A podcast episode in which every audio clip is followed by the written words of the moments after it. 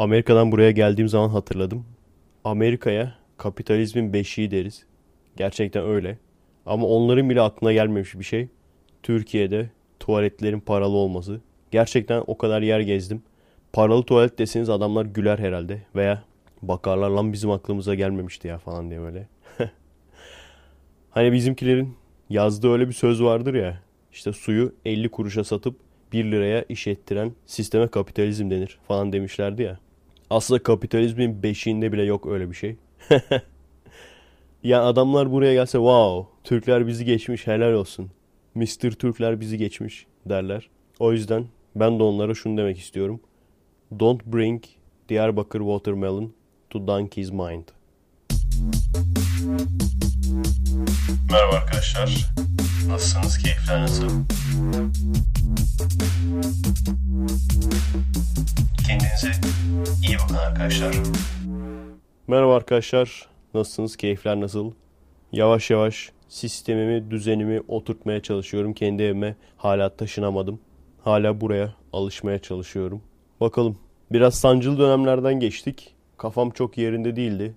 Bundan sonra daha eğlenceli podcastlerle devam ederiz umarım. Öncelikle her ay olduğu gibi bu ayki sponsorlarımızın listesini de okuyayım. Biliyorum sıkılıyorsunuz ama devamlılığımız için gerekli olan bir şey. Bu ayki sponsorlarımız Cem Bilge. Bu arada şaka maka bak Cem Bilge deyip geçiyoruz hiç hani üzerinde yorum falan yapmıyoruz. Kim olduğunu da bilmiyorum ha. Yani mesajlaşmışlığımız falan da yok. Adam baya baya düzenli olarak bir seneye yakın bir şekilde düzenli olarak baya sağlam sponsorluk yapıyor. Kimdir nedir? Karanlık adam mı hiçbir fikrim yok yani. Maşallah hayrat gibi. Sevil Çeşmesi gibi adam. Teşekkür ediyoruz. Ateisthaber.net yeni sponsorlarımızdan. Kıvanç Günbaş bu zaten toplam olarak en alevli sponsorlarımızdan oluyor. Onur Öziç, Uğur Özçakır, Sancar Berk Okurman, Evren ve Teknoloji, Casval Zoom Deikun, Defne G yani Creepy Miss Pasta oluyor kendisi. Tarihi Canlandırma Grubu, James Onur Benli, Barış soyadını vermek istemeyen arkadaş ve Kaan Yazgan. Bunlar bu ayki sponsorlarımız.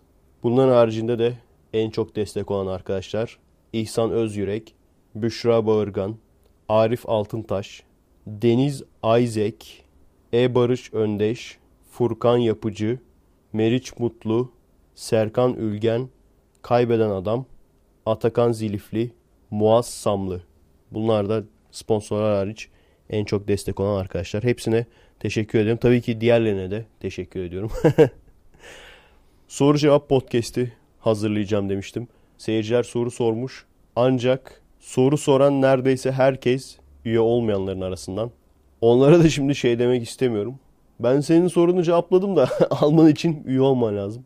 Bazı sitelerde var ya öyle. Linki görebilmek için üye olmanız gerekiyor falan. O sebepten dolayı onların sorularını da 1-2-1-2 bu normal podcast'te cevaplayacağım. Bu arada kart geçmeme sorununu çözecek bir çözüm bulduk sanırım. O yüzden mobil ödemeye falan hiç gerek kalmadı. Biliyorsunuz mobil ödeme acayip sömürüyor. Ona gerek kalmadı. Şimdiye kadar biliyorum bu maddi konular sizi sıkıyor arkadaşlar ama bizim ekibin şu an kanayan yarası diyebilirim. Yarı yarıya neredeyse kart geçmiyor. Çünkü ATM kartlarını sanırım kabul etmiyor. Veya kredi kartlarından bilmiyorum bazılarını mı kabul etmiyor artık nedir. Ininal diye bir kart var. Bununla ilgili detaylı bilgi yazdım.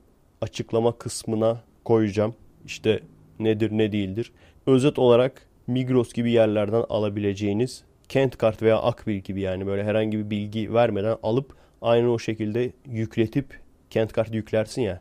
O şekilde yükletip aynen Mastercard gibi kredi kartı gibi yani ister mağazada ister gitti gidiyor eBay gibi sitelerde de geçiyormuş. Ve Patreon'da da geçiyor çünkü 10 küsür kullanıcım da onu kullanıyormuş.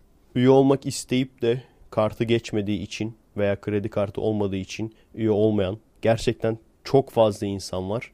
E, bu arkadaşlar açıklamadaki linke tıklarlarsa daha detaylı bilgi alabilirler. Daha da uzatmak istemiyorum çünkü diğer arkadaşları şimdi ayıp olmasın. Onları sıkmayalım.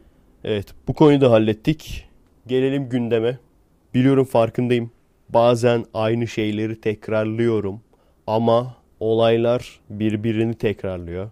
Mümkün olduğu kadar aynı şeyleri söylememeye çalışacağım artık. Çünkü biz söylüyoruz sonra gene aynı şeyler oluyor. Yani millet çıkıp demesin niye buna değinmedin veya niye buna az değindin. Mesela şu turnikeler konmuştu Ege Üniversitesi'ne.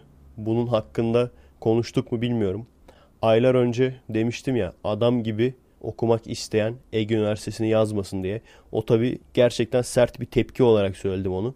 Bilmiyorum beni dinliyorlar mıdır bilmiyorum ama birçok kişi böyle konuşuyor artık her yerde. Bunun artık yönetim duymuş sonunda. İnsanların illa öldürülmesi mi lazım?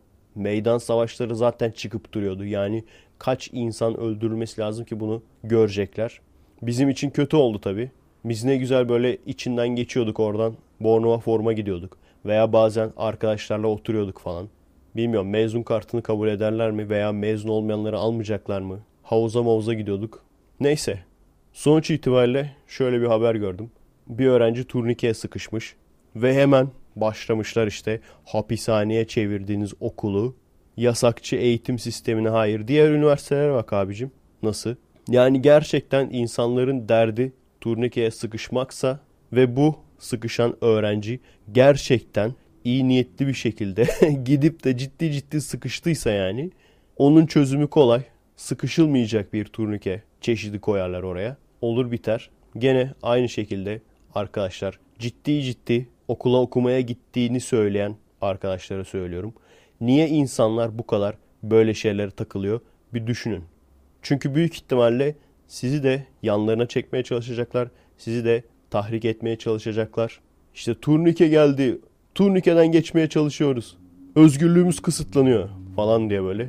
Bilmiyorum gerçekten hani kendi beyninizi sorgulama filtrenizi kullanıp düşünüyor musunuz veya merak ediyor musunuz? Adamlar turnike gibi ufak bir şeye niye bu kadar çılgınca takıyorlar diye. Sebebi belli. Kendimi tekrarlayıp dinleyicilerimi de sıkmak istemiyorum. Özellikle bizim düşüncede olan dinleyiciler zaten bunları biliyorlar. O yüzden tekrar söyleyip de insanları sıkmak da istemiyorum. Bunu düşünün bir. İkincisi de insanları sırayla turnikeden geçirmek özgürlük kısıtlamasıysa, faşizmse sürekli bir şeyleri bahane edip, alakalı alakasız bir şeyleri bahane edip insanları derslerinden çıkartmak, insanlara ders yaptırmamak, oraya okumaya gelmiş insanı ders yapamazsın deyip sınıfların altını üstüne getirmek bu mu özgürlük? Yoksa bu başkasının özgürlüğünün kısıtlanması mı? Daha da fazla konuşmayacağım aslında konuşacak çok şey var ama dediğim gibi kendimi de artık tekrarlamak istemiyorum. İsteyen eski FKS'leri dinler. Yani bakın çok ilginç bir şey söyleyeceğim. Bunu sanırım daha önceden söylememiştim. O yüzden söyleyebilirim. Mesela anti-kapitalist adı altında gruplar kuran Seattle'da da ben görmüştüm. Var böyle insanlar. Ve 1 Mayıs'ta Seattle'ın göbeğinde bunlar da yürüyüş yapıyor. Bazen gerçekten işi şiddete falan da döktükleri oluyormuş. Benim gittiğim sene böyle şeyler oldu mu bilmiyorum. Olsaydı televizyonlarda görürdük. Yani olayların şiddete döndüğü bir gösteri oldu mu? Gösteri oldu onu biliyorum çünkü afişler vardı. Ama haber getirecek bir gösteri olmadı sanırım. Sonuç itibariyle orada da böyle gruplar var. Ama şunu kesin olarak görebiliyorum. Bizim muhafazakar düşünceye karşıt olduğu için liberal aslında deniyor da bizde liberal başka anlamlara geliyor. bizde liberal dindar olmayan iktidar yandaşına deniyor genel olarak. Bu zihniyetteki arkadaşlarımızın da birçoğu bu sol örgütlere ya üye oluyor ya da sempatizanı oluyor. Birçok sebepten dolayı onları da daha önce anlatmıştım. İşin ilginç yanı şu. Bu arkadaşlarımız Amerika'da olsaydı, orada yaşasaydı aynı zihniyette olmalarına rağmen aynı grupların üyesi olmazlardı. Bence aradaki en büyük fark şu. Oranın yönetimi yani Republicanlar biraz daha biliyorsunuz muhafazakar ama onlar bile öyle. Hele ki şu an demokratlar başta. Yalandan da olsa bilmiyorum yani gerçek mi yoksa yalandan mı onu bilmiyorum. Ama insanların sesine kulak veriyor. Yani bizde böyle şey vardır ya anlayışsız baba. Hayır dedim bitti. Sen doğru düşündüğün bir şey yapmak ister. Hayır dedim bu kadar. Yaparsan tokat atar falan böyle. Anlatamazsın yani dinlemek bile istemez. Bizde tam zıt olan yani yönetime tam zıt olan bu gruplara bu kadar sempatinin olması birici sebebi bence bu. Yani tepeden sıfır empati böyle benim istediğim olacak yoksa tokadı basarım diyen bir zihniyetle karşı karşıya olmak. Yani şunu görüyorum bak çok ilginç. Çok böyle takip ettiğimiz bilimle ilgili konuşan o işte SciShow'lar, Crash Course'lar falan onlar var ya gerçekten çok zeki adamlar. Bilimle ilgili bir sürü animasyon, tarihle ilgili bir sürü animasyon yapıyorlar. Seyrediyorum birçok şey öğreniyorum bu adamlardan. Evrimle ilgili animasyonlar yaptılar. Ve adamlar gittiler abi başkanla konuştular, sohbet ettiler. Şimdi bizim burada mesela gerçekten tarihe, bilime bu kadar önem gösteren insanların gidip de bu kadar böyle sıcak bir şekilde Cumhurbaşkanı ile Başbakanla konuştuğunu muhabbet ettiğini ben hayal edemiyorum yani. Hayal edemiyorumu geç. Ben kendimden örnek vereyim. Yani yandaş kanala bile çıkmam ben. Çıkmam yani. O yüzden mesela Donald Trump başkan adayıymış bir dahaki seçimlerde. o adam başa gelirse gerçekten Amerika'nın uzun adamı olur yani. Çok şey değişir. Onlara şimdiden sabır diliyorum. Bizim entelimiz gerçekten acayip bir entel. Adamlar gerçekten kendilerini Türkiye standartının üstünde ve dünya standartlarında sanıyorlar. Ama özellikle çok farklı kültürlerden insanları tanıyınca, onlarla tanışınca, oradaki insanları, halkı, toplumu, oranın aydınlarını, oranın gerçek entelektüellerini görünce Türkiye entelinin entelektüel demiyorum, entel diyorum. Aynı şey olmadığını biliyorsunuz. Türkiye entelinin aslında suratına boya sürüp ben batılı oldum diyen Kezban'ın erkek versiyonu olduğunu görüyorum. Bunun bir sürü kanıtı var. Bunlardan birincisi neden bilmiyorum. Medeniliği milliyetçiliğe karşı olmak sanıyorlar. Ve dünyanın geri kalanında da böyle olduğunu iddia ediyorlar. böyle bir dünya yok. Kaç kere anlatacağım bilmiyorum. Gene paylaşım yapmışlar. Yani bu adamlarda diyorum ya cahil olmak o kadar kötü değil. Cahil olup da bir de kendini böyle toplumdan daha zeki sanmak çok tehlikeli. Bu adamlar o yüzden tehlikeli. Adam bir bok bildiği yok. Adam özlü söz falan söylüyor böyle Twitter'dan. Yani katılın katılmayın. İyidir deyin kötüdür deyin. Ama bu bir gerçek.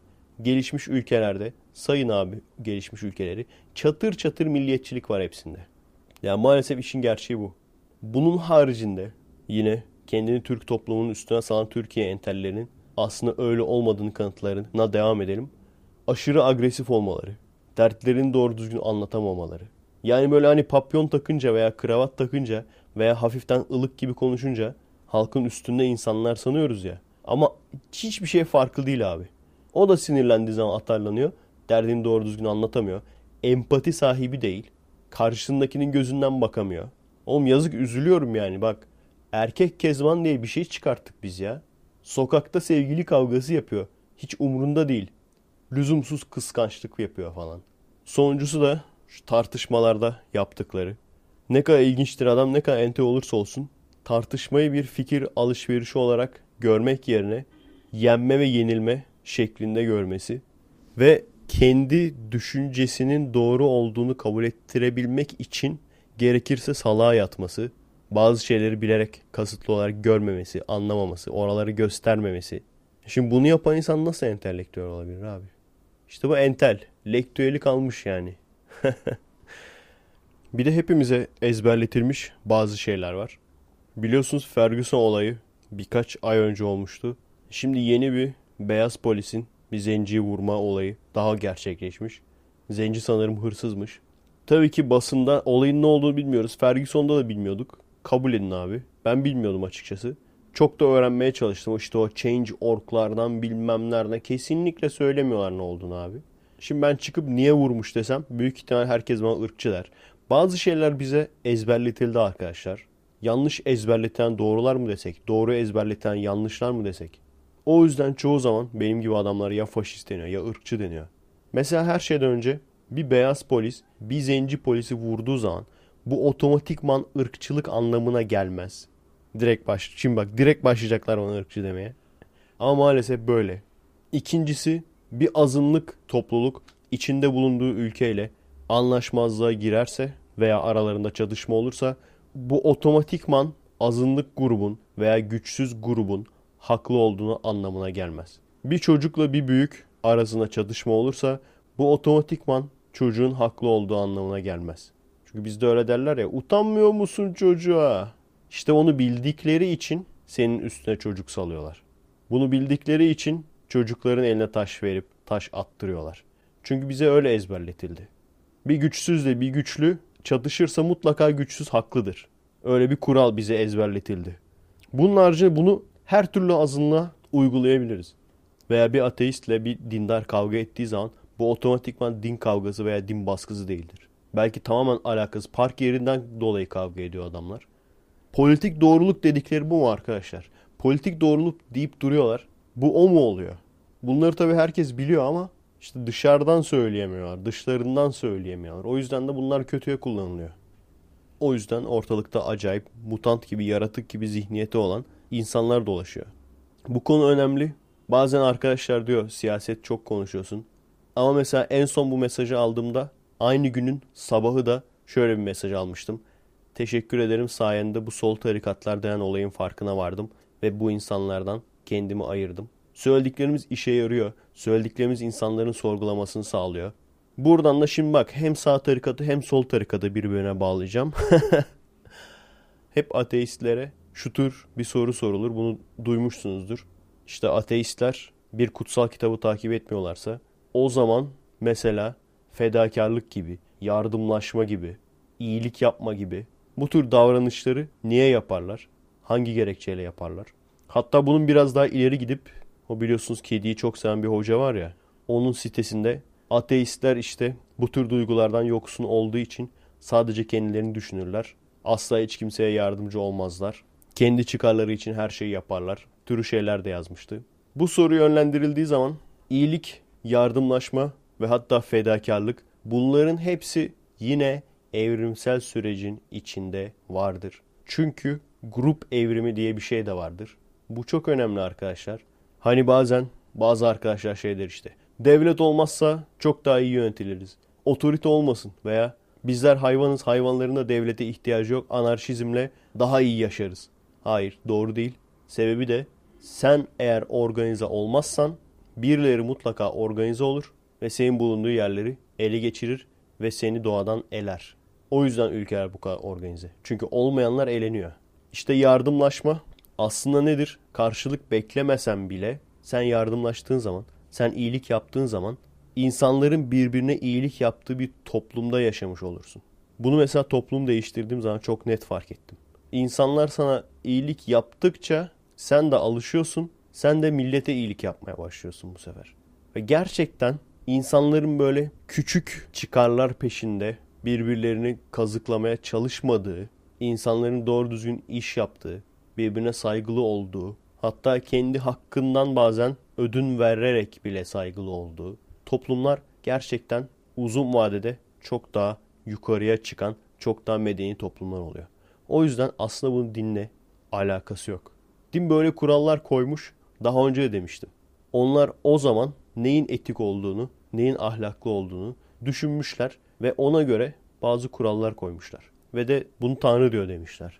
Daha etkili uygulayabilmek için. Ve olayı nereye getireceğim?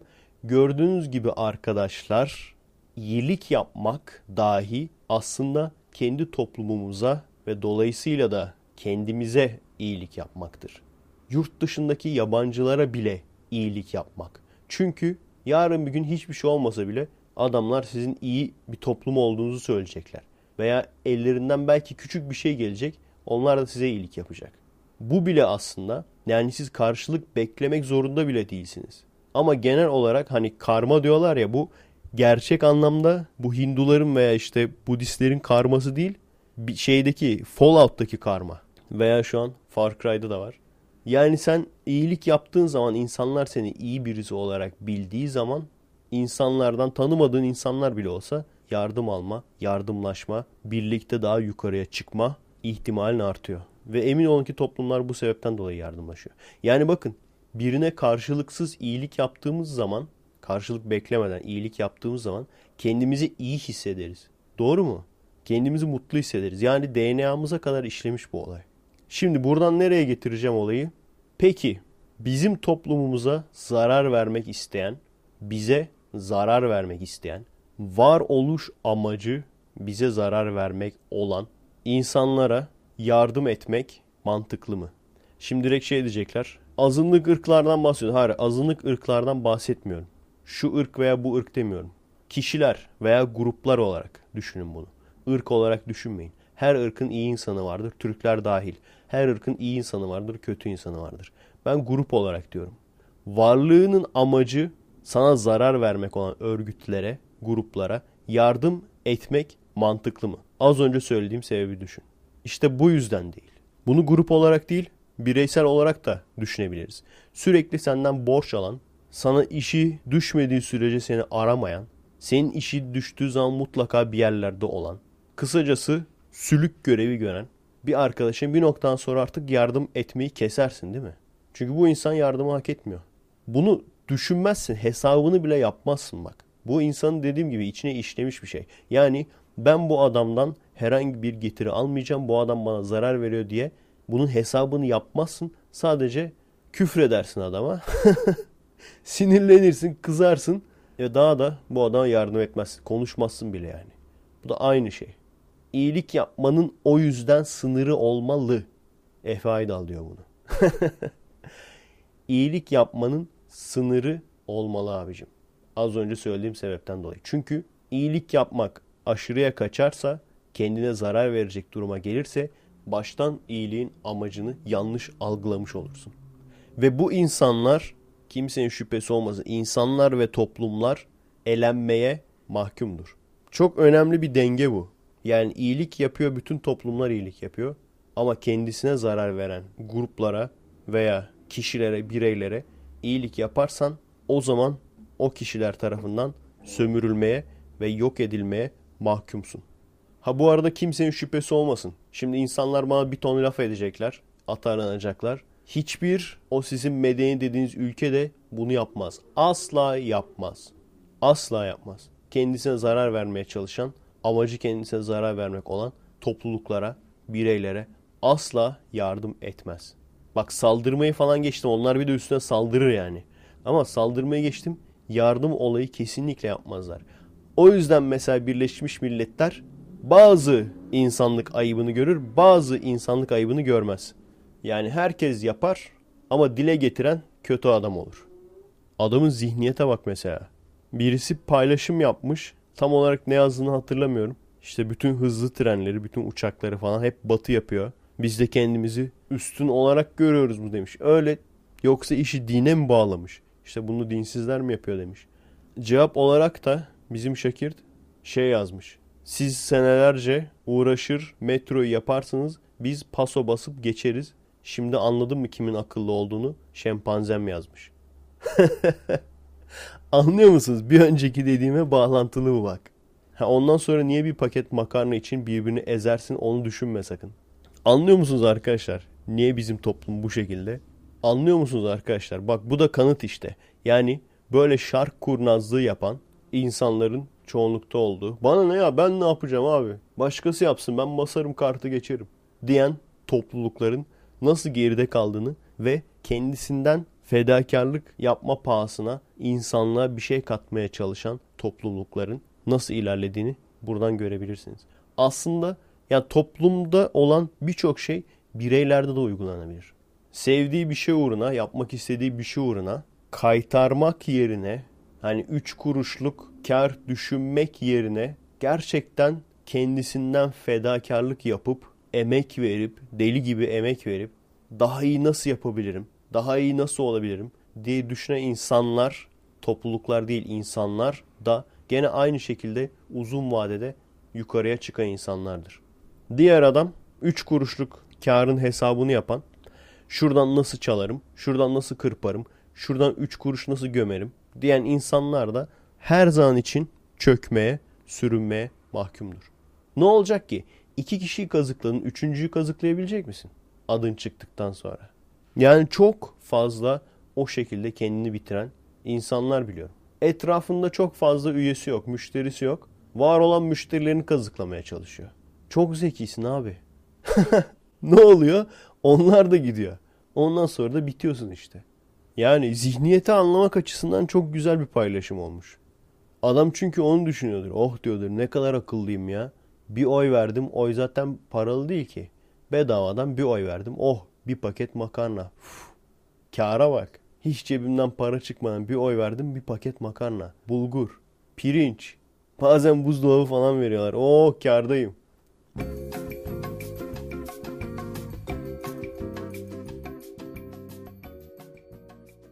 Evet salıdan merhaba arkadaşlar. Özlediniz mi asansör müziğini? Geçen podcast'te gerçi zorunlu olarak koymuştum. O sayılmaz. Esas iki parçaya böldüğüm, çünkü o zaman iki parçaya bölmemiştim. Esas iki parçaya böldüğüm bir podcast ile tekrar karşınızdayım. Daha iyi oluyor böyle. Yorgunluk olayı daha az oluyor. Enerji biraz daha iyi oluyor. Şimdi bir sabah sporu da yaptım hafif. Canlandım kendime geldim. Evet bilim köşemizde Dünya 2.0 Earth 2.0 bulundu diye haber vardı. Büyük ihtimalle biliyorsunuzdur. Veya başka bir deyişle dünyaya çok benzeyen, dünyanın kuzeni olan bir gezegen keşfedildi diye bir haber vardı. Bu gezegen nedir, ne değildir ona bakalım. Zaten ayrıntılı bilgiye bakmak istiyorsanız adını da söyleyeyim size. Kepler 452b diye geçiyor. Kepler denmesinin sebebi Kepler uzay teleskobuyla. Size demiştim ya uzaya artık öyle teleskoplar atıyorlar ki yani görmediği şey kalmıyor teleskobun demiştim. Özelliği ise niye bu kadar sansasyon yarattı? Çünkü yani yüzlerce gezegen bulundu.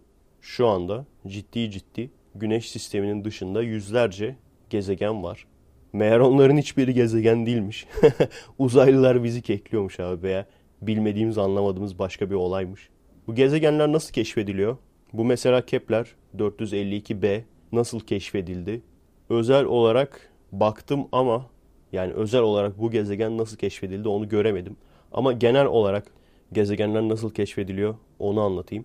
Benim aklımda kalan biliyorsunuz geçen senelerde çok daha belgesellerle içli dışlıydım. Astronomi konusu da daha kafamda tazeydi. Umuyorum bu sene kendime daha fazla vakit ayırdığım zaman gene bilim köşemiz daha alevli olacak. Daha bilimin içinde olacağım. Evet aklımda kalan yöntemleri söyleyeyim. Normal şartlar altında belki düşünüyor olabilirsiniz. Veya olamaz mısınız? belki olamazsınız da olabilir. Normal şartlar altında düşünecek olursanız bir gezegenin yani şöyle söyleyeyim. Hatırlıyor musunuz dünya güneşe ne kadar uzaklıktaydı? Bir kuntay. Değil mi?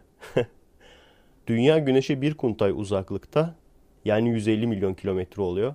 Yani gerçek adıyla bir astronomik birim. Kuntay demeyelim hadi. Daha bilimsel konuşalım. Bir astronomik birim uzaklığında. En yakın yıldız 4.2 ışık yılı. 4.2 ışık yılda hatırlıyor musunuz ne kadardı?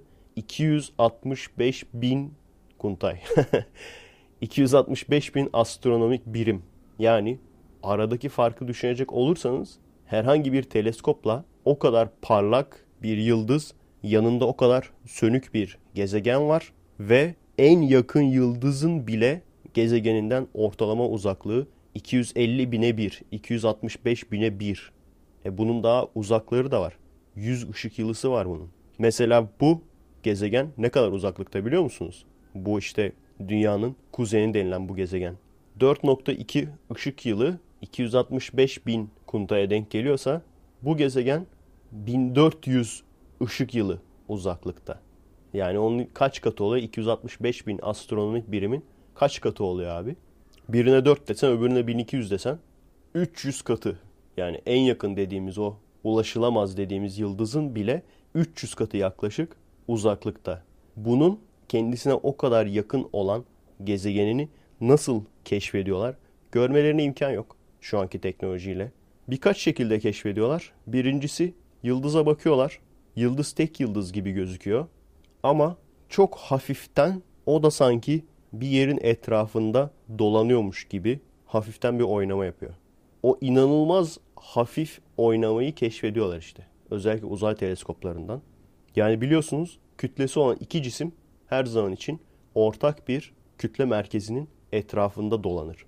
Şu anda biz güneş sabit, diğer gezegenler onun etrafında dolanıyor gibi düşünüyoruz. Ama aslında çok ufak da olsa yani güneşin merkezine çok yakın bir noktada güneş de aslında dolanıyor. Ama o kadar ufak ki yani normal çıplak gözle falan görmek, gözlemlemek çok zor, imkansız gibi yani. İşte bu ufak oynamaları gözlemliyorlar uzay teleskobuyla. Yani adamlardaki teknolojinin manyaklığını düşünün bir. İkincisi de eğer şanslıysak bu gezegenler yıldızın önünden geçiyorlar. Yani bir dünyayı güneşin etrafında dolandığını düşünün. Bakış açısı tam düzlemesine bakıyorsak, aynı düzlemden bakıyorsak neyi görürüz? Güneşin önü arada sırada kapanıyor görürüz değil mi? Bu da aynı şekilde baktığımız düzlemde ise şans eseri o gezegen arada sırada yıldızın parlaklığının hafiften azaldığını görüyoruz. Ve gene aynı şekilde bunu da keşfediyor adamlar. Manyak ya.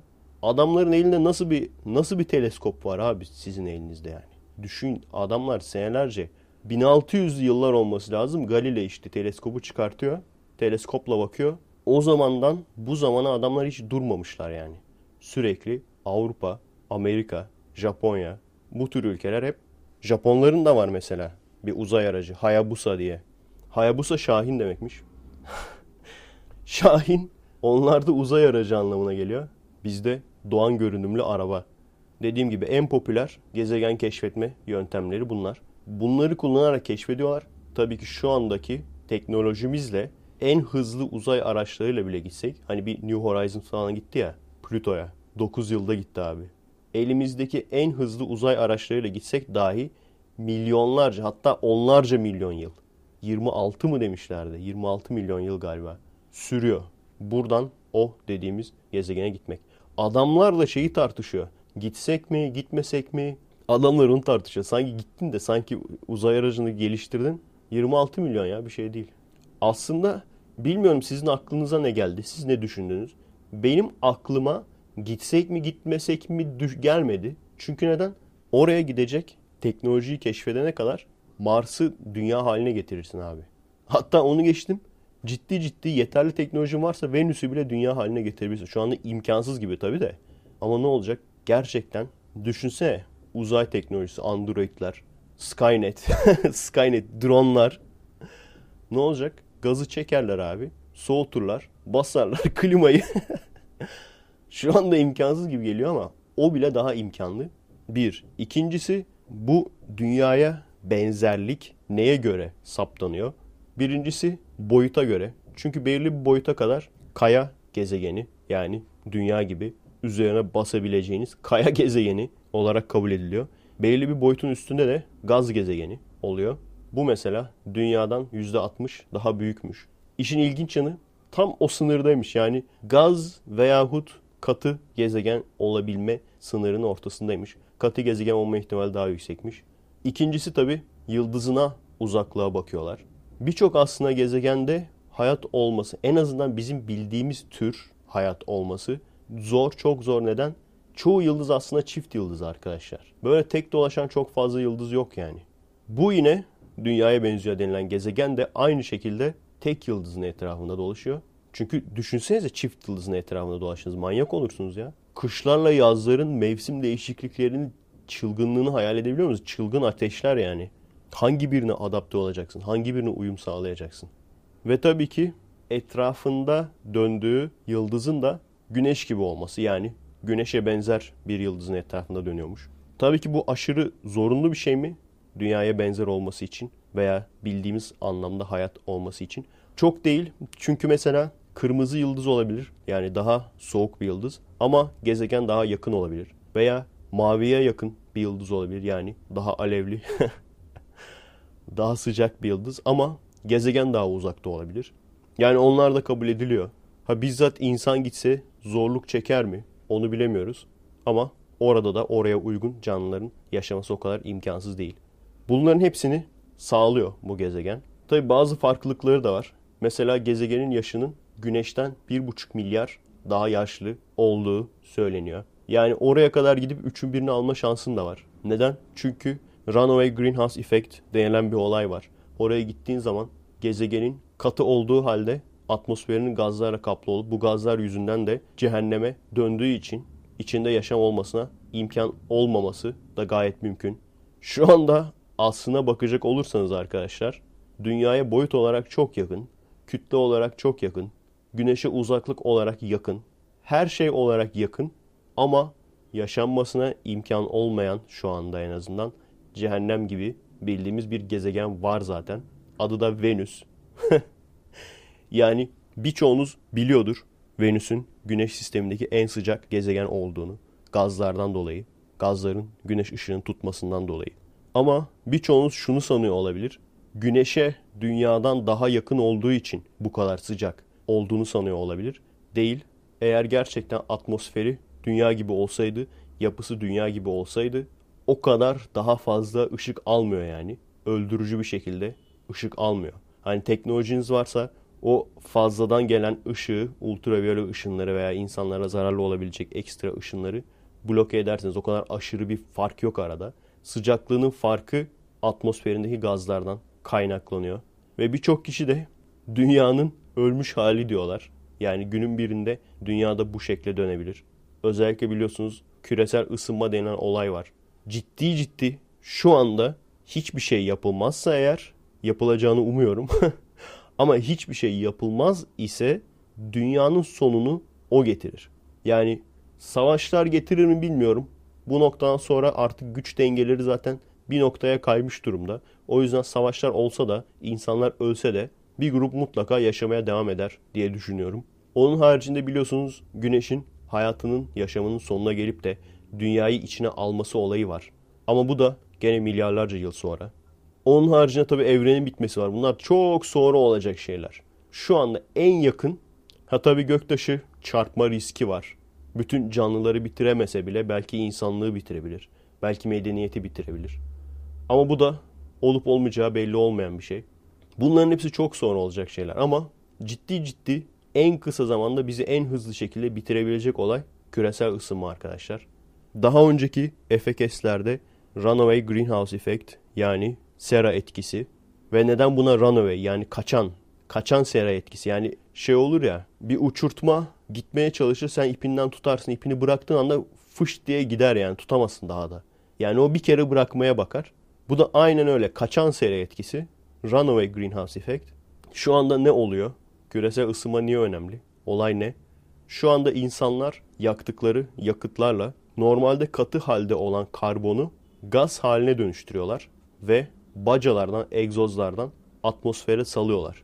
Karbonlar arttıkça dünyaya gelen ısıyı tutan gazlar da artmış oluyor. Yani battaniye görevi görüyor. Battaniye nasıl sizi sıcak tutar? Battaniye neden sıcak tutar sizi? Çünkü battaniye hani elektrikli battaniye değilse battaniyenin herhangi bir ısısı yok. Kendinden bir ısısı yok yani. Ama ne yapar? Senin ısını, senin vücut ısını yakalar. Değil mi? Kaçmasına engel olur ve senin kendi vücut ısınla seni ısıtır. Bu karbon gazları da aynı şekilde dünyaya battaniye görevi görüyor. Peki çok mu aşırı değişiklik oluyor? Değişiklik çok aşırı yani hayatı bitirecek kadar ilk etapta olmuyor. Ama bu sıcaklık 1 derece, 2 derece arttığı zaman bu sefer bu sıcaklıktan dolayı kutuplardaki buzullar yavaş yavaş erimeye başlıyor. Ve buzulların aslında aşırı önemli bir görevi var. Buzullar bembeyaz renkli olduğu için dünyaya gelen güneş ışınlarının birçoğunu geri yansıtıyor. Buzullar azaldığı zaman bu ışınları geri yansıtan yüzey yok oluyor ve yerine de tam tersi koyu renkli ışığı soğuran okyanuslar, denizler bunlar geliyor. Ve böyle olunca bu sefer ne oluyor? Sıcaklık biraz daha artıyor ve biraz daha arttığı için biraz daha buzullar eriyor.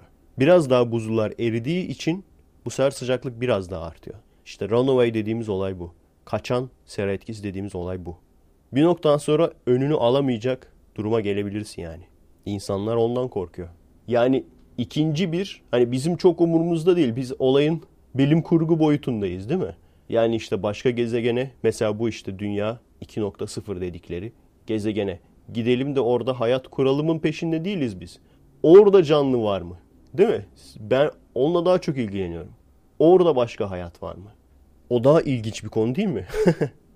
Ama işte bilim adamları tabii insanlığın geleceğini daha çok düşündüğü için başka bir gezegende daha hayat kurabilir miyiz bunu düşünüyor. Ki mesela kolonizasyon yaparlarsa başka bir gezegene çok kral bir hayatları olur ha.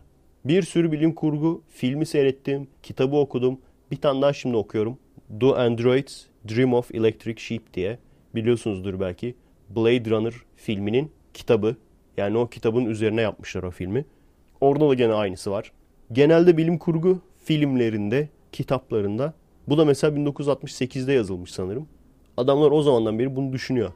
Eğer başka bir gezegene göç olursa dünyada kalanlar burada cehennemi yaşayacak. Dünya çöp gezegeni gibi bir gezegen olacak. Kaç tane bununla ilgili film seyrettik. Gerçekten de öyle. Çünkü ne güzel abi. Adamlar kolonizasyon yaparken kendi kafalarına göre seçecekler adamı. Hani bizimki diyor ya sen senelerce uğraşırsın metro yaparsın ben pasoyu basıp geçerim. Buna pasoyu basıp geç hadi bakalım. Al abi akbili tamam mı? Al akbili de ki sizin kolonizasyonunuz varmış kardeş. Buradan sigaraya da böyle ağzında. Mars'a koloni kuruyormuşsunuz. Şimdi nereden basıyoruz akbili? Gel alırlar seni alırlar. Alırlar seni kardeşim. Seni makarna paketiyle döverler abi orada. Gerçi zaten öyle ihtiyaçları da olmaz ki. Nasılsa bu hayat bir imtihan. Şükretmesini bilen, fazla sorgulamayan, fazla şüphe etmeyen öldükten sonra mükafatını alacak. Ama nedense bunu diyen insanlar, bu şekilde insanlar telkin edenler krallar gibi yaşıyorlar. Bunu da bizim kardeşlerimiz aslında biliyor, farkındalar. Ama onları sorgulamak da günah olduğu için onları da sorgulamıyorlar. Tabii ki sorgulayanlar var, onlara lafım yok.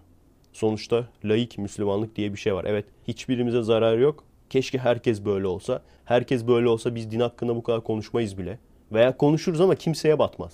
Hani bu kadar böyle kavga gürültü, davalar, tehditler falan olmaz yani. Kendimiz konuşuruz. Nasıl mesela astrolojiye inanmıyoruz. Astrolojinin saçma olduğunu düşünüyoruz. Bunları da böyle konuşuruz. İnananların da umrunda olmaz o kadar. Çünkü mantıken düşünecek olursan ciddi ciddi gerçekten gerçek anlamda inanıyorsan olmadığını iddia eden bir insan sana zarar veremez hiçbir şekilde.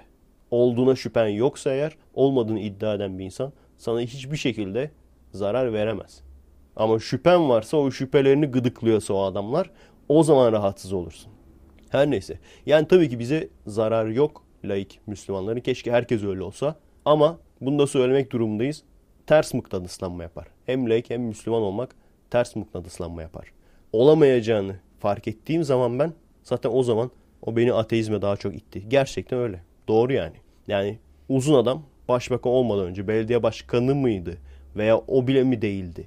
Ceviz kabuğuna bağlanıyor. Orada ona soruyorlar. Kendinize şeriatçı mı diyorsunuz? O da diyor ki bir insan bu dini takip edip nasıl şeriatçı olmaz? Çünkü şeriat bu dinin kurallarını uygulamaktır. Bu dini takip ediyorum deyip nasıl şeriatçı olmazsın diyor. Adam evet şeriatçıyım diyor yani. Evet tepki gösterdik. Hepimiz tepki gösterdik ama haksız diyebilir miyiz? Şu gay evliliği olayından sonra çok ilginç bir yazı gördüm gazetede. Diyor ki eskiden gay evliliği olmadığı için insanlar gay sevgililerini evlat ediniyorlarmış yurt dışında. Bunu Türkiye'de yapanlardan biri de Ferdi Özbeğenmiş. Çok garibime gitti insanların. Bilmiyorum gazetede o kadar sıkmaz herhalde. İnsan şeyi düşünüyor. Düşününce çok değişik bir soyadı var.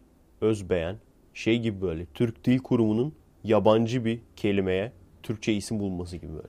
Öz çekim, selfie, öz beğeni. Mesela narsisizm söylemesi de çok zor ya. Narsisizm. İşte söylemesi zor olduğu için TDK ona öz beğeni diye kelime uydurmuş. Yazık o da iki sene önce falan ölmüş galiba hastalıktan. İnsanların bir noktada ünlü olup ondan sonra ününü yavaş yavaş yitirdiği ve daha sonra da sadece öldüğü zaman haber olması üzücü bu durum. Çok acayip. Amerika'da hayatın ne kadar izole olduğu ile ilgili buna benzer bir hikaye okumuştum. Bu bayan Joyce Vincent diye geçiyor. Wikipedia'dan falan da bakabilirsiniz. Tabii kendisi ünlü değil. Yalnız yaşayan birisi. Ailesiyle sorunları varmış. Babası mı dövüyormuş öyle sorunları varmış. Yani ailesinden kendisini izole etmiş. Ve devlet yardımıyla yaşıyormuş. Gerçekten böyle çok insan var. İşsizlik sigortası olsun, devlet yardımı olsun. Yani o yardımı alıp işe gitmeden hayatını sürdürebiliyor. Çünkü kiranın da mesela bir kısmını veriyorlar. Bunda da öyleymiş. Kiranın yarısını yardım kuruluşları veriyormuş. Elektrik, su otomatik ödemeye bağlıymış. Kızda peptik ülser ve astım ikisi de var. Bu iki önemli hastalığı olmasına rağmen yalnız yaşayan birisi. Ben bazen düşünüyordum. Bizim binalarda da vardı. Biliyorsunuz o kiralanan evler apartman dairelerinin olduğu kompleks şeklinde oluyor. Yani otel gibi düşünün. O formatta. Bazen bakıyorduk böyle. Hani zor yürüyen, şişman, kedisiyle yaşayan, gözü falan görmeyen kadınlar vardı. Orada yaşıyor kadın. Arada işte çıkıyor o işte kompleksin bahçesi falan var. Oralarda yürüyüş yapıyor. Bütün hayatı böyle. bütün hayatı böyle lan. Televizyona bakıyor. Ve gözler falan o kadar gitmiş ki yani kadının. Görüyorduk biz dışarıdan. En alt kattaydı çünkü. Direkt dibindeydi televizyon. Bir HD televizyonu vardı. Direkt dibindeydi televizyon. Diyorduk yani bu kadına bir şey olsa kim fark edecek? Gene o kadın şanslıydı. Zemin kattaydı. Dışarıdan belki görürler. Her neyse sonuç olarak bu Joyce Vincent denilen bayan ve yaşlı birisi de değil genç birisi ölüyor. Astımdan mı ölmüş, peptik ülserden mi ölmüş veya başka bir şeyden mi ölmüş o bile belli değil. Çünkü yaklaşık iki buçuk sene boyunca kimse fark etmiyor öldüğünü. Kadın ölüyor, öldüğünü iki buçuk sene kimse fark etmiyor. Çünkü neden? Koku oluyormuş tamam mı? Kokuyu yakında bir çöp tenekesi varmış. Oradan geldiğini sanıyorlarmış. Ki oranın çöp tenekeleri apartmanın komple çöp tenekesi oluyor ya. O yüzden baya ekstralar oluyor yani. O yüzden kokusu da ekstralar oluyor. Biz de arada yaşıyorduk yani. Şimdi düşünüyor insan. La acaba bize gelen koku da mı öyle bir şeydi falan diye. Kıllanıyor insan. O yüzden kokudan bu sebepten dolayı şüphelenmemişler. Bu arada nasıl fark etmişler önce onu da söyleyeyim. Kirasının yarısı ödeniyormuş dedim ya. Diğer yarısını tabii kızın ödemesi lazım. O da ödemiyormuş. Ödemeyince birikmiş iki buçuk sene boyunca. Sonra bu kıza dava açmışlar. İşte evine el koyarız, seni dışarı atarız falan diye. Kız ölü o sırada abi. Kıza dava açıyorlar. Kız ölü farkında değiller. En sonunda artık izin çıkartmışlar vesaire gelmişler evi açmışlar. Evi açınca kadının artık çürümüş, iskelete dönmüş cesediyle karşılaşıyorlar. Ve girdikleri zaman televizyon açık. İki buçuk sene boyunca televizyon açık kalmış abi. Nasıl bir televizyonmuş lan? Şey daha kötü ya. ısıtıcı açık abi. İki buçuk sene boyunca televizyon ve ısıtıcı açık. Televizyon sesi 24 saat komşulara geliyormuş tabi. Ama oraya tabi cankiler, uyuşturucu müptelaları vesaire oralarda boş yerlere takıldığı için onların olduğunu düşünmüşler. Ona da bir şey dememişler. Elektrik, su faturası falan onlarda zaten otomatik kesiliyormuş. Bir de çok ilginç, işin daha da üzücü yanı yani. Geldikleri zaman bir sürü hazırlanmış Noel hediyesi bulmuşlar yatağının yanında. Bir sürü böyle üst üste konmuş ve sarılmış aynı zamanda Noel hediyesi. Gene aynı şekilde onları da dağıtamadan ve kime dağıtacağı da belli değil. Onu da anlayamamışlar yani. Kız tabi iskelet haline geldiği için hangi sebepten dolayı öldüğünü de anlayamamışlar. Otopside de bir şey çıkmamış yani. Ve kapının kilidi falan açık değil. Ondan sonra tabi cesedin üzerinde herhangi bir darbe vesaire izi yok. Kendi kendine öldüğü düşünülüyor o yüzden. Böyle. Gerçekten yani hani burada yaşayan birisi için çok acayip ama orayı gördükten sonra olabilir diyorsun. Ciddi ciddi olabilir. Yani biz geziyorduk. Anlatıyordum ya size. Böyle bir sürü müstakil ev. Ya sokakta insan yok. Silent Hill anasını satayım. Silent Hill gibi yerler. Sokakta insan yok. Yani oranın içinde hani böyle programlar var ya adam gündüz vakti evinde meth yapıyor falan. Yani adam orada dinozor yapsa anlayamazsın. dinozor üretse tamam mı? Genetik böyle anlayamazsın. Yani içerideki insan öldü mü? İçeride ne yapıyorlar? Cemaat mi kurdular? Satanist tarikatı mı var? Kedi mi kesiyorlar? Bakire mi kurban ediyorlar? Anlayamazsın abi. Hep şey muhabbeti vardır ya. İşte bir özel gücünüz olsa hangisi olsun isterdiniz? Siz hangisi olsun isterdiniz? Bak şimdi ben söyleyeceğim sizinkiyle aynı çıkacak. Söylediniz mi? Ben söylüyorum 3, 2, 1. Görünmez olmak. Siz de aynısını dediniz değil mi? İstediğin zaman görünmez olup istediğin zaman görünür olmak. Niye? Tabii gençken daha böyle hormonal sebeplerden dolayıydı. Ama abi merak. Manyak merak ediyorum ben. Ama bir o kadar da tırsıyorum birçok yere gitmekten. O kadar çok yani bilmiyorum siz merak ediyor musunuz bu merak? Herkeste mi var? Sadece bazı kişilerde mi var? Mesela gece diyelim İzban'la Ali Ağa'dan Halkapınar tarafına giderken orada işte o Biçerova, Hatundere oralarda karanlık tamamen zifiri karanlık tarlalar görürsünüz. Yüksek böyle. Hep onu merak ederim. Mesela o tarlalarda ne var? O tarlaların içinde herhangi bir şey dönüyor mu? Çünkü dönse anlayamazsın. Ciddi ciddi hani görünmez olup gidip oralara bakmak isterdim. Onun haricinde mesela gene gece iyice geç saatlerde böyle iki çeşmelikten falan inerken otobüs görünmez olup o arka sokaklarda o esnada neler yaşanıyor. Hep merak ederdim. Gene aynı şekilde Özellikle bu terk edilmiş gibi gözüken evlerin tek tek böyle içine girip hiçbir şey almayacağım ama. Öyle bir hırsızlık niyetim yok yani. tek tek içine girip ne var ne yok diye bakmak isterdim. Gerçekten insan acayip merak ediyor. Çünkü her şey olabilir. Hele ki Amerika'da o kadar izole insanlar birbirinden. Burada da öyle, Türkiye'de de terk edilmiş bir otele girmiştik çekim yapmak için. Terk edilmiş bir fabrikaya girdik çekim yapmak için. O işte Fallout çekimlerinde görürsünüz. O yerler komple kadın çantası. Diğer tarafta yerler komple çakmak gazı, çakmak adam çakmak gazı çekiyorlar büyük ihtimalle. Oralarda insanlar nasıl yaşıyor? Evsizler. Ne yapıyorlar orada? Hani polis falan olsan da kar etmez. Çünkü polis olduğu zaman girdiğin zaman adam ya senin sesini duyduğu zaman kaçacak ya da onu gördüğün zaman o seni gördüğü için doğal yani ne yapıyorsa onu yapmayacak. Yakalayacaksın çünkü. O yüzden görünmez olup bunlara hep bakmak isterdim yani. Merak güzel şey. İnsanı gerçekten hayatta tutuyor. Beni gerçekten en fazla hayatta tutan şeylerden bir tanesi merak. Acayip deli gibi merak ediyorum yani. Acaba başka gezegenlerde hayat çıkacak mı? Güneş sistemindeki başka uydularda hayat çıkacak mı? Her neyse. Bugünlük bu kadar olsun. Bir asansör müziği daha alalım. Yarın artık bitiririz. Kendinize iyi bakın.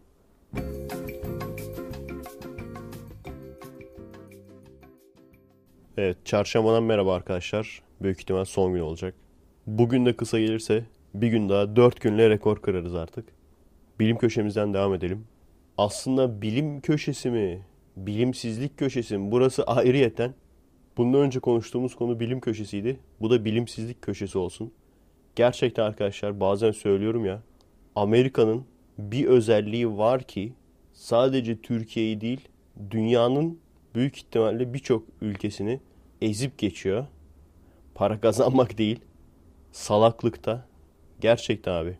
Yani adamlara inanamıyorsun çünkü adamların bir yarısı kuyruklu yıldızın tepesine binen araç falan yapıyor adamlar böyle. Tamam mı? Yani uzay araştırmasının, uzay keşfinin adamlar öncüsü ama bir kısmı da var ki abi Türkiye'de olmayan bir şey, eşi benzeri olmayan bir şey dinozor inkarcıları. Yani bizde en fazla evrim inkarcısı vardır. Onları da gerçekten hani dürüstçe konuşacaklarını bilsem oturup sormak isterdim. Abi sen şimdi şu anlattığına inanıyor musun? Kendin inanıyor musun yani? Çünkü mesela Archaeopteryx biliyorsunuz ara geçiş formu fosili olarak kabul edilen en önemli fosillerden bir tanesi. Tüylü bir dinozor veyahut dişleri olan kertenkeleye benzeyen bir kuş da diyebiliriz. Yani dinozorlarla kuşların arasındaki neredeyse tam ortada bir varlık. Şeyi sorabilirsin sonradan bu evrimleşip kuş mu olmuş? Bu canlı evrimleşmemiş. Bunun nesli tükenmiş. Daha farklı dinozor türlerinden. Hatta o türlerden bir tanesi Velociraptor. Jurassic Park'ı seyreden bilir. En popüler dinozor türüdür oradaki yani. O tür dinozorlardan evrimleşmişler. Sonuç itibariyle neden mesela merak ediyorum abi siz söylediğinize kendiniz inanıyor musunuz diye. Çünkü fosili kabul ediyorlar. Fosilin varlığını inkar etmiyorlar. Ama diyorlar ki bu fosil kuştur. Yani dişlerini mi kabul etmiyorsun? Yani fosilin kendisini kabul ediyorsun, dişlerini mi kabul etmiyorsun? Dişleri olan iskelet görünümü sürüngene benzeyen, internette araştırırsanız çıkıyor zaten sürüngene benzeyen özellikleri, kuşa benzeyen özellikleri diye. Neredeyse yarı yarıya yani. Ve hatta uçamıyormuş. Çünkü ağırlığı kaldıramıyormuş yani onu. Sadece kanatlarını çırpıp biraz daha bir yerden bir yere düşmeden atlamaya veya biraz hani planör gibi az da olsa biraz süzülmeye yarıyormuş. Ciddi ciddi hani bir insan cahil olabilir. Bir insanın cahil olmasını veya cahil olmasa bile evrimi reddetmesini anlayabilirim. Neden? O konuda eğitim almamıştır. Olabilir. Türkiye'de özellikle evrim çok fazla yanlış tanıtılıyor. O verilen bedava CD'lerden onları biz hepsini seyrettik. Özet olarak hepsinde aslında aynı şey var. Özet olarak şu. Bir hayvan türü gösterirler. Ondan sonra derler ki bu hayvan çok müthiş. İşte şöyle özellikleri var. Pusula özelliği var. Yavrusunu koruma özelliği var bilmem ne. Yolunu bulma özelliği var falan filan. En sonunda da derler ki tabii o şey belgeselli kendileri hazırlamadı tabii ki. Discovery'den falan arak belgeseller sadece kendileri dublaj koyuyorlar oraya. En sonunda da derler ki işte evrimciler bu canlıların moleküllerinin tesadüfen bir araya geldiğini ve tesadüfen oluştuğunu iddia ediyor. Bunu seyreden adam evrim ile ilgili de okulda doğru düzgün bir bilgi almadıysa evrimi reddetmesini anlarım. Ama bir de cahil olmayan kesim var. Yani sen bu fosilin varlığından haberdarsın. Sen tiktalik fosilinin varlığından haberdarsın. Sen bunları bir kısmını kabul edip vücudunun bir kısmını reddetmek için sen bunların bu fosillerin yani vücutlarının bir kısmını kabul edip bir kısmını reddetmek için işte ağzındaki dişleri reddediyoruz falan. Gerçekten özel çaba sarf etmen lazım. Gerçekten senin niyetinin bozuk olması lazım. Her neyse bizde bunlar var. Ama Amerika'nın salığı gerçekten sağlam salak. Dinozorları komple reddeden gruplar var ve bunlar baya organize. Baya organize gruplar yani. Bunun gerçek olup olmadığını anlamak çok basit. Gidersin bir kazı merkezine. Orada bu insanlara gösterirsin. Orada bu insanlara göstermek de bir işe yaramayacak ki.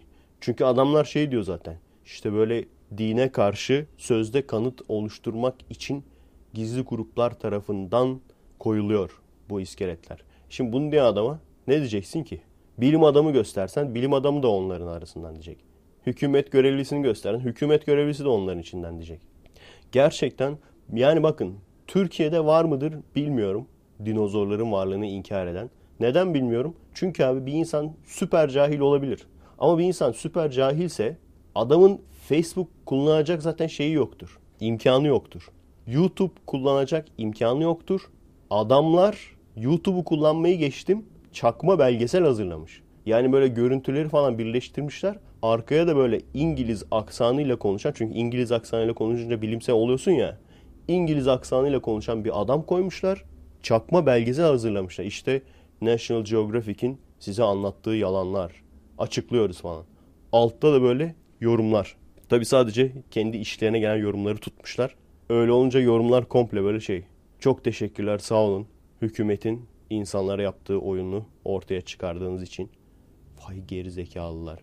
Vay geri zekalılar abi. Olacak iş değil. Gerçekten sağlam salakmışsınız. Bu adamların tabi Amerikalı olduğunu tahmin ediyorum sadece. Çünkü Amerika'da gerçekten böyle salaklar gördük.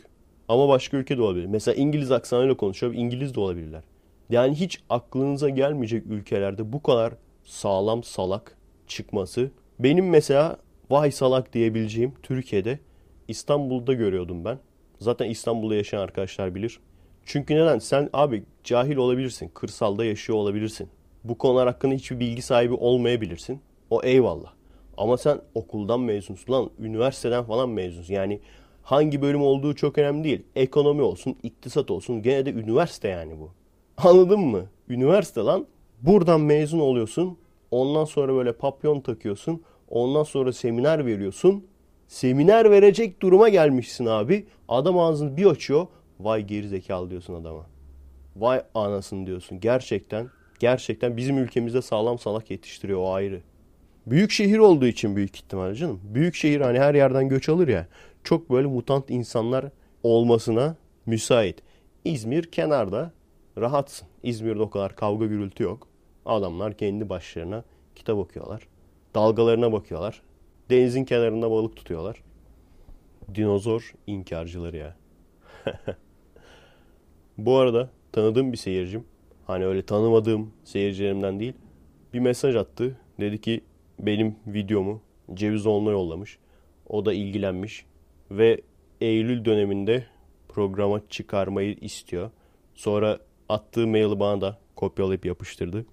Numaramı verdik falan. Ben çok fazla şansımı zorlamayacağım. Dediğim gibi çünkü oraya gidip de ondan sonra ağzımdan çıkanlar yüzünden başım belaya girince pişman olması da var. o yüzden çağrılırsam sırf Hulki Cevizoğlu abiyle tanışmak için giderim yani gene de. Bir de dediğim gibi adil bir moderatör olduğu için. Ama çağrılmazsam da çok zorlamayacağım şartları. Zaten bunu arkadaşlara anlattım. Onlar da benimle aynı görüşte. Git abi diyorlar çünkü hani oraya ateist diye çıkan adamların söylediği argümanlar genel olarak çok zayıf. Yani nedense bilmiyorum en zayıf ateist argümanları seçiyorlar. Birkaç tane felsefi diyebileceğimiz argümanlar vardır ya işte Tanrı evreni yarattıysa hatta onlara burada cevap vereyim ben.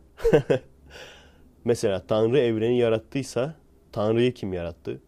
Tanrı zaten sonsuz güçlü olarak ve sonsuz yüce olarak kabul edildiği için ve Tanrı zamandan da bağımsız olduğu için onu herhangi birinin yaratmasına gerek yok. Çünkü zaman başlangıcı Tanrı olmayan varlıklar için geçerli. Yani Tanrı evreni yarattıysa Tanrı'yı kim yarattı? Çok güçlü bir argüman değil. Bunun haricinde Tanrı kaldıramayacağı bir taşı yaratabilir mi? Bu da aynı şekilde sonsuz güçlü bir varlık. Evet belki yaratamaz ama yaratamayacak olması gene sonsuz güçlü olduğu gerçeğini değiştirmez. Çok böyle hani insanları sarsan bir argüman değil o da. Çünkü sen zaten o varlığın sonsuz güçlü olduğuna inanıyorsan kendi kaldıramayacağı bir taşı yaratamaması onu güçsüz olarak göstereceğini sanmıyorum yani. Belki çok derin düşünürsen gösterir ama buna inanan bir insan için o kadar büyük düşünceye sevk edecek bir şey olduğunu sanmıyorum yani. Ve tabii sonuncusu eğer Tanrı varsa niye dünyada kötülükler oluyor?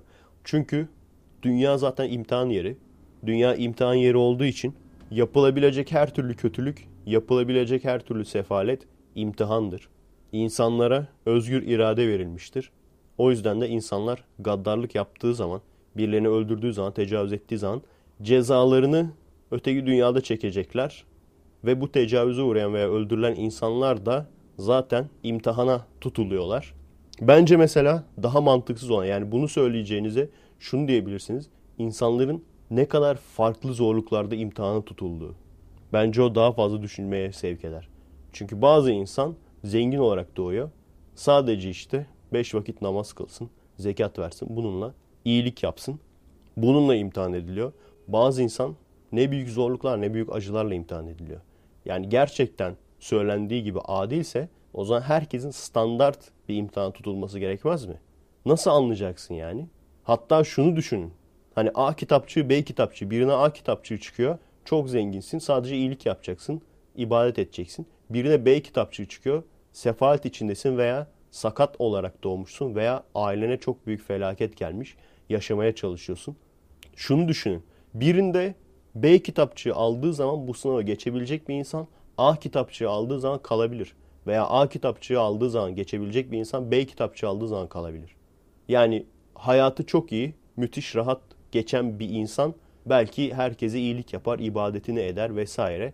Böyle geçirir ama aynı insan sefalet içinde doğmuş olsaydı, zorluk içinde doğmuş olsaydı belki adam her türlü kötülüğü yapacaktı hayatta kalabilmek için. Her türlü pisliği yapacaktı. ibadet falan hiçbir şey yapmayacaktı, etmeyecekti. Uyuşturucu kullanacaktı, içki kullanacaktı. Veya tam tersi. Bir insan çok büyük zorluklar içinde var olmaya çalıştığı için başkalarına kötülük yapmadan sadece var olmaya çalışarak, yaşamaya çalışarak bir imtihan ediliyor. Aynı insan belki aynı karakterdeki aynı insan belki çok rahat içinde yaşasa bu sefer dünyanın zevklerine verecekti belki kendisini.